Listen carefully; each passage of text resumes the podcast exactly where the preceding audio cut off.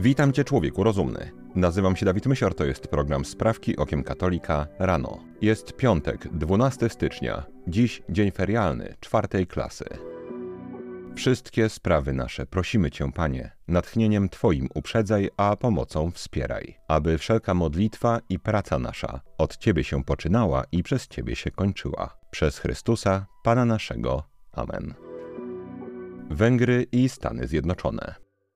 Po tym jak Sąd Najwyższy Colorado wykluczył Donalda Trumpa ze startu w prawyborach w tym stanie, o czym informowaliśmy w sprawkach rano 22 grudnia, podobną decyzję podjął także stan Maine. Jego sekretarz, pani Shenna Bellows, oświadczyła, że były prezydent nie kwalifikuje się do startu ze względu na rzekome wspieranie insurekcji. Chodzi o rzekomy zamach stanu, który miał miejsce 6 stycznia 2021 roku, kiedy zwolennicy Donalda Trumpa rzekomo wdarli się na Kapitol, a tak naprawdę byli tam wpuszczani przez policję, o którym to wydarzeniu do dziś krąży bardzo wiele mitów, natomiast dla konserwatywnej części Stanów Zjednoczonych nie ma wątpliwości, że była to jedna wielka ustawka, która do dziś służy lewicy jako punkt wyjścia do wielu ataków na Donalda Trumpa. Do decyzji o wykluczeniu go z prawyborów w stanie Maine odniósł się minister spraw zagranicznych Węgier, pan Peter Sijarto, następującymi słowami.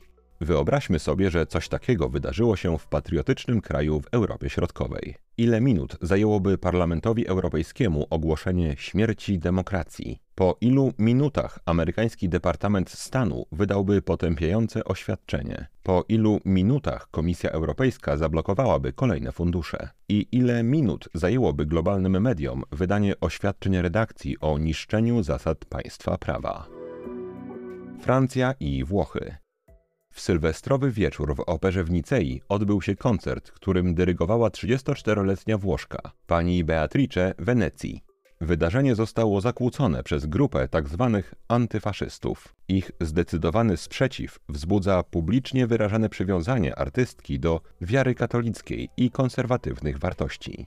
Gdy pani Wenecji weszła na scenę, najpierw rozległy się brawa, ale zaraz potem gwizdy i krzyki. Protestujący wywiesili transparent z hasłem Opera nie jest dla faszystów. Artystka z klasą ukłoniła się przeciwnikom i rozpoczęła koncert, a ochrona wyprowadziła lewicowych zadymiarzy z sali.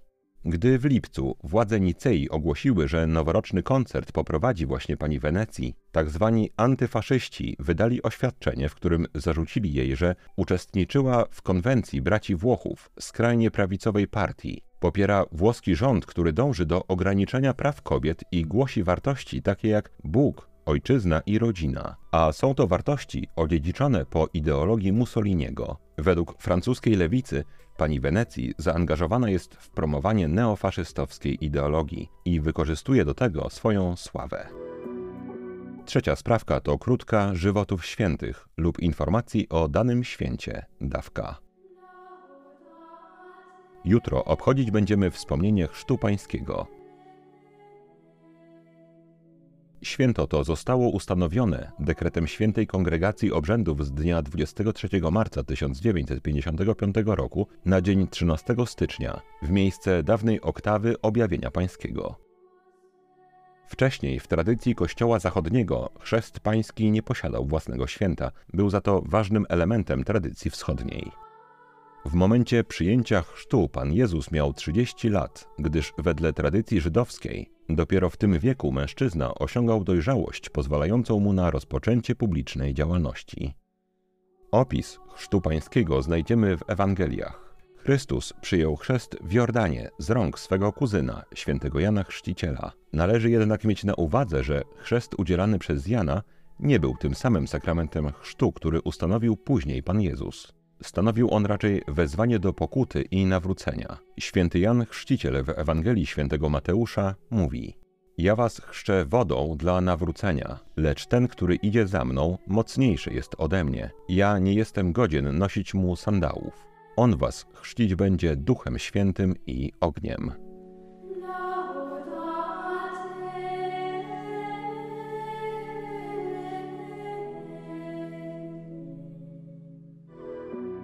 Francja. Od 1 stycznia Francja nie przyjmuje już nowych imamów z zagranicy. W lutym roku 2020 prezydent Emmanuel Macron ogłosił walkę z islamskim separatyzmem i zagranicznymi wpływami. Zapowiedział zakaz przyjmowania imamów wysyłanych z krajów takich jak Algieria, Tunezja, Maroko czy Turcja. Meczety miały 3 lata na reorganizację, a od 1 kwietnia zostanie stworzony specjalny system, który pozwoli muzułmańskim wspólnotom na samodzielną rekrutację imamów i wypłacanie im wynagrodzeń. Celem zmian jest zapewnienie, że żaden urzędnik państwowy z innego kraju nie będzie wywierał wpływu na muzułmańskich duchownych posługujących we Francji. Według szacunków niemal 10% mieszkańców Francji to wyznawcy islamu. Biorąc pod uwagę dzietność przeciętnej rodziny muzułmańskiej w porównaniu do przeciętnej rodziny francuskiej, interesującym będzie obserwowanie tego wskaźnika na przestrzeni lat.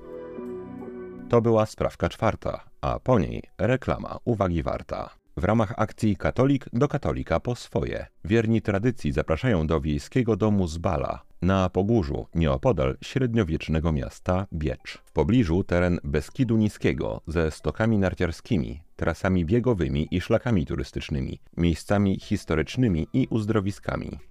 Gospodarze zapewniają komfortowy pobyt w przytulnym drewnianym domu, z pięknym widokiem i dogodnym dojazdem. W trakcie odpoczynku objęci zostaną Państwo życzliwą opieką gospodarzy, którzy w pobliżu prowadzą własne gospodarstwo, zapewniają świeże jajka, chleb z pieca chlebowego i pomoc w organizacji pobytu. W domu dostępna jest biblioteczka z przewodnikami, mapami oraz tradycyjną katolicką lekturą. Dom może pomieścić dwie rodziny w dwóch niezależnych mieszkaniach każde z własnym aneksem kuchennym i łazienką. W ramach agroturystyki istnieje też oferta dla osób spędzających czas samotnie i małżonków. Według zespołu Sprawek Okiem Katolika wszystko w naprawdę atrakcyjnych cenach. W opisie tego odcinka znajdziesz, mój drogi słuchaczu, link i dane kontaktowe do gospodarzy. Podając hasło Sprawki, uzyskasz specjalny rabat. Życzymy miłego planowania ferii i wakacji.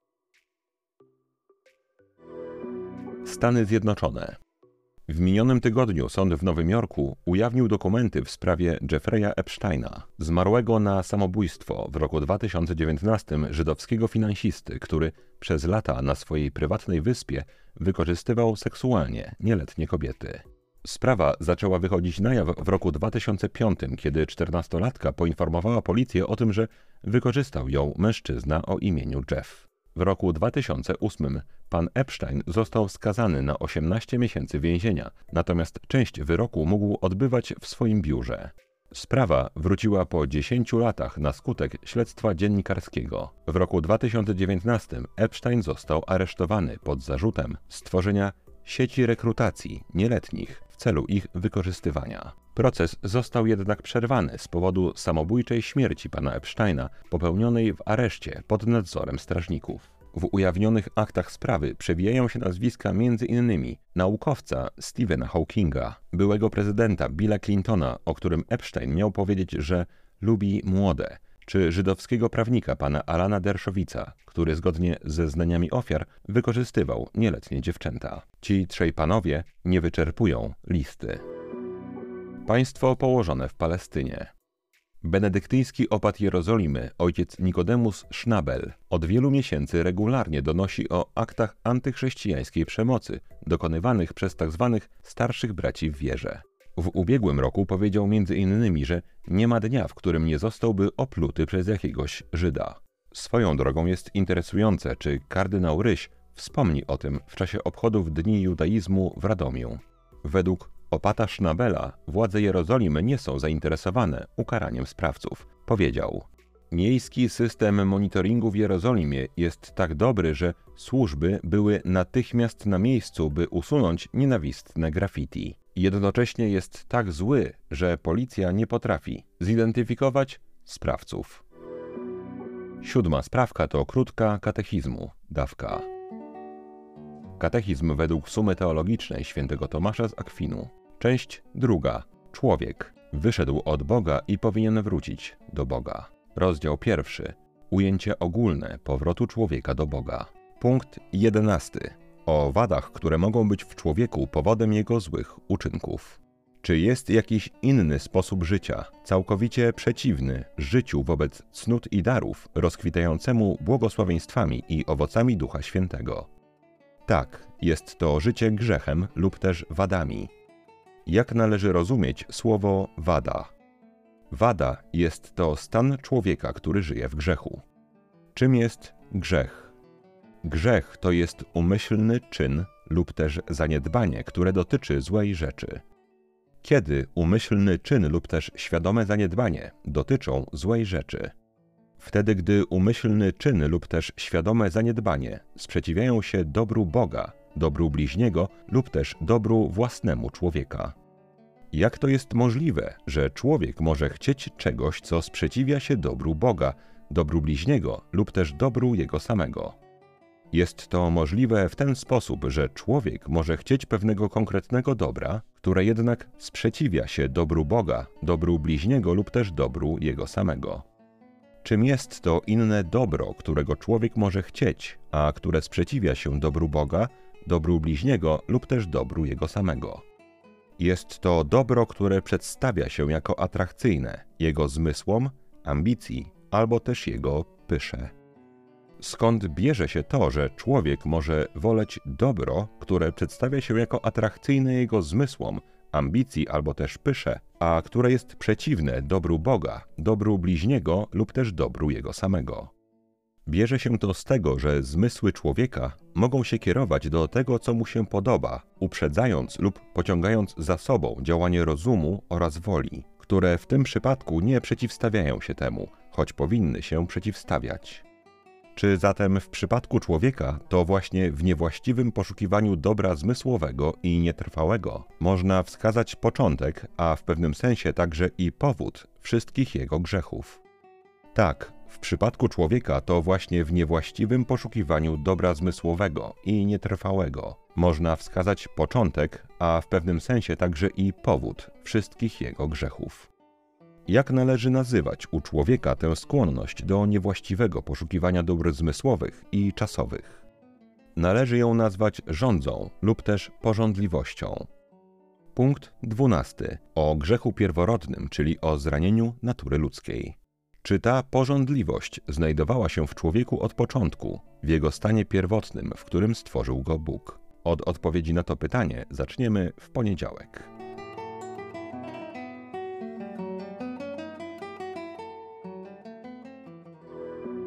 Polska.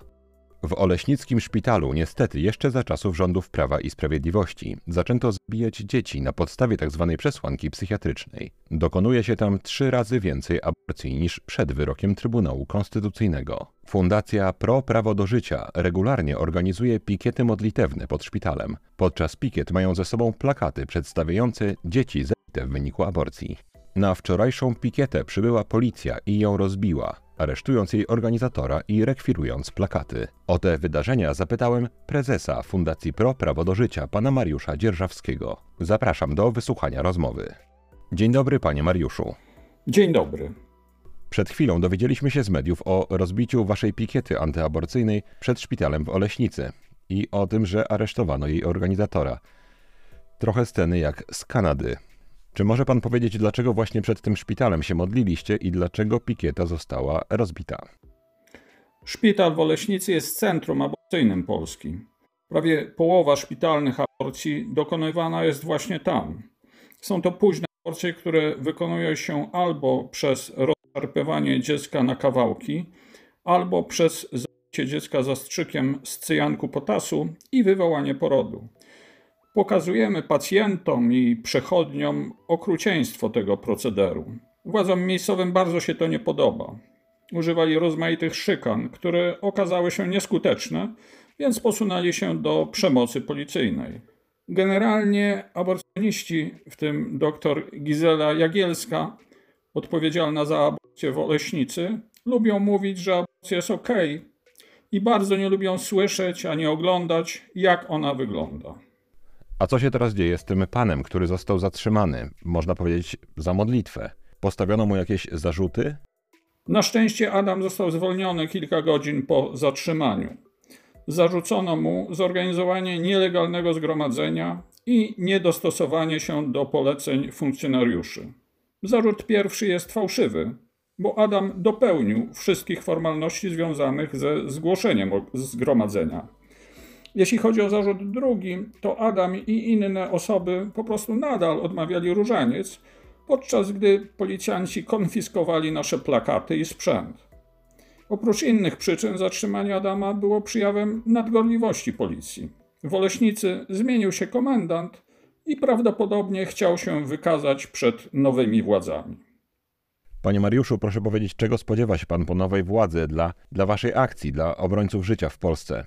Czy możemy spodziewać się jakichś prześladowań? Bo w uśmiechniętej Europie obrońcy życia raczej nie mają lekko. Wspomniał pan we wstępie o Kanadzie. Myślę, że zamiarem nowych władz w Polsce jest wprowadzenie zamordyzmu, który od dawna obowiązuje na Zachodzie.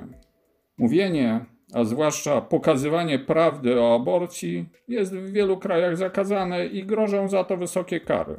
W Wielkiej Brytanii nie wolno nawet modlić się w myślach pod klinikami aborcyjnymi. Nowa władza chce najwyraźniej wprowadzić te standardy w Polsce i w ten sposób opiłować katolików w naszym kraju. Spodziewamy się wzmożonych prześladowań, ale będzie to miało pozytywny skutek. Widoczne prześladowania wobec nas zwrócą uwagę na ciche i ukryte zbrodnie popełniane na maleńkich dzieciach. Mam nadzieję, że Polacy dzięki temu przebudzą się i powiedzą: dość aborcji, dość mordowania bezbronnych. Panie Mariuszu, bardzo dziękuję, że zechciał Pan nas odwiedzić w programie Sprawki Okiem Katolika. Życzę powodzenia w Waszej działalności i z Panem Bogiem. Z Bogiem. Ostatnia sprawka to krótka rozprawka. Dziś o miłości ojczyzny. Obecnie w naszej ojczyźnie dzieją się rzeczy niezwykle intensywne. Kilkoro słuchaczy wyraziło zdziwienie, że nie są one na bieżąco w tym programie komentowane. Nowy rząd ma w stosunku do Polski zamiary wprost zbieżne z planem globalistów i nie próbuje nawet udawać, że plany te będzie realizował w sposób praworządny. Środowisko rządzące przez ostatnie 8 lat, wciąż mające prezydenta Rzeczpospolitej, wydaje się być po drugiej stronie tego sporu. Natomiast przyznaję to otwarcie, nie wiem czy w to wierzę. W tym sporze chcę stanąć po stronie swojej ojczyzny i uważam, że po tej samej stronie są ludzie maszerujący wczoraj w Warszawie. Czy ucieszyłbym się, gdyby pan Kamiński i pan Wąsik zostali uwolnieni? Tak. Czy ucieszyłbym się, gdyby były przedterminowe wybory? Bardzo. Czy gdyby do nich doszło, wolałbym już PiS od totalnej opozycji? Bezsprzecznie. A mimo to swoją rolę w tym momencie dostrzegam w czym innym. Jako katolik mam obowiązek służenia swojej ojczyźnie, bowiem obowiązek służenia Bogu składa się z mnóstwa obowiązków pośrednich, na które składają się obowiązki stanu oraz obowiązki względem ojczyzny, która mnie zrodziła i względem której mam obowiązki obywatelskie. Polska dziś jest w niebezpieczeństwie. Jak to jest możliwe? Dlaczego znowu jesteśmy w takiej sytuacji?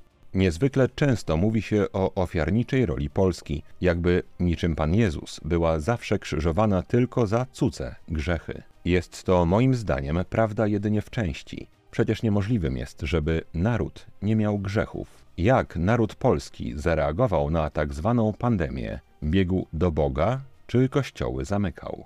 Oj, Dawid, już byś odpuścił. Teraz, gdy szaleje Tusk i jego otoczenie, będące dla Polski śmiertelnym, i ze swojej strony dodam, niemieckim zagrożeniem. Być może należy już zamknąć w głowie przeszłość i skupić się na walce z wrogiem zewnętrznym i wewnętrznym. Zgadzam się, że walka taka jest konieczna. Próbuję jednak powiedzieć, że każda taka walka bez pomocy Bożej opatrzności i tak skazana jest na porażkę, a o Bożą opatrzność prosić warto równolegle z podjęciem wysiłków, by żyć moralnością chrześcijańską.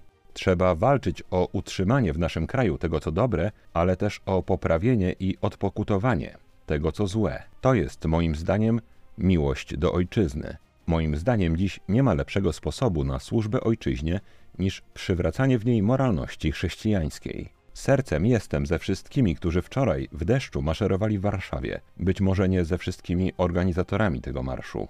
Jeśli ktoś chce naprawdę ratować i odzyskiwać Polskę, musi następować to poprzez przywracanie moralności chrześcijańskiej w swoim życiu, w swoim otoczeniu i wszędzie tam, gdzie jest nam dane działać. A wszystko to zaczyna się na kolanach. Kocham Polskę. Maryjo, posłuż się mną dziś jak chcesz. Wykorzystaj mnie jak chcesz byle tylko choć jeden grzesznik zszedł z drogi zatracenia, poszedł do spowiedzi świętej i zwrócił się ku Panu Jezusowi. To na dzisiaj wszystkie sprawki okiem katolika rano. Jeżeli chcesz nam pomóc, daj proszę łapkę w górę pod tym filmem na YouTubie i napisz komentarz. Pan algorytm lubi, gdy komentarze mają co najmniej 5 wyrazów. Jeżeli chcesz wesprzeć zespół sprawek okiem katolika regularnie na Patronite lub tutaj na YouTubie, albo jednorazowo przez wpłatę najmniejszej chociaż kwoty, to szczegóły jak można to zrobić znajdują się w opisie tego odcinka. Wszystkim bardzo dziękuję. Mój drogi słuchaczu, życzę Ci błogosławionego dnia i całego weekendu. Najświętsza Mario Panno, Królowo Polski, wstawiaj się za nami. Święci Andrzeju, Stanisławie, Andrzeju Bobolo i Stanisławie Kostko, módlcie się za nami. Człowieku rozumny, trzymaj się, nie łam się i bardzo Ci dziękuję za Twój czas. Mam nadzieję, że do usłyszenia w poniedziałek rano. Zostań z Panem Bogiem.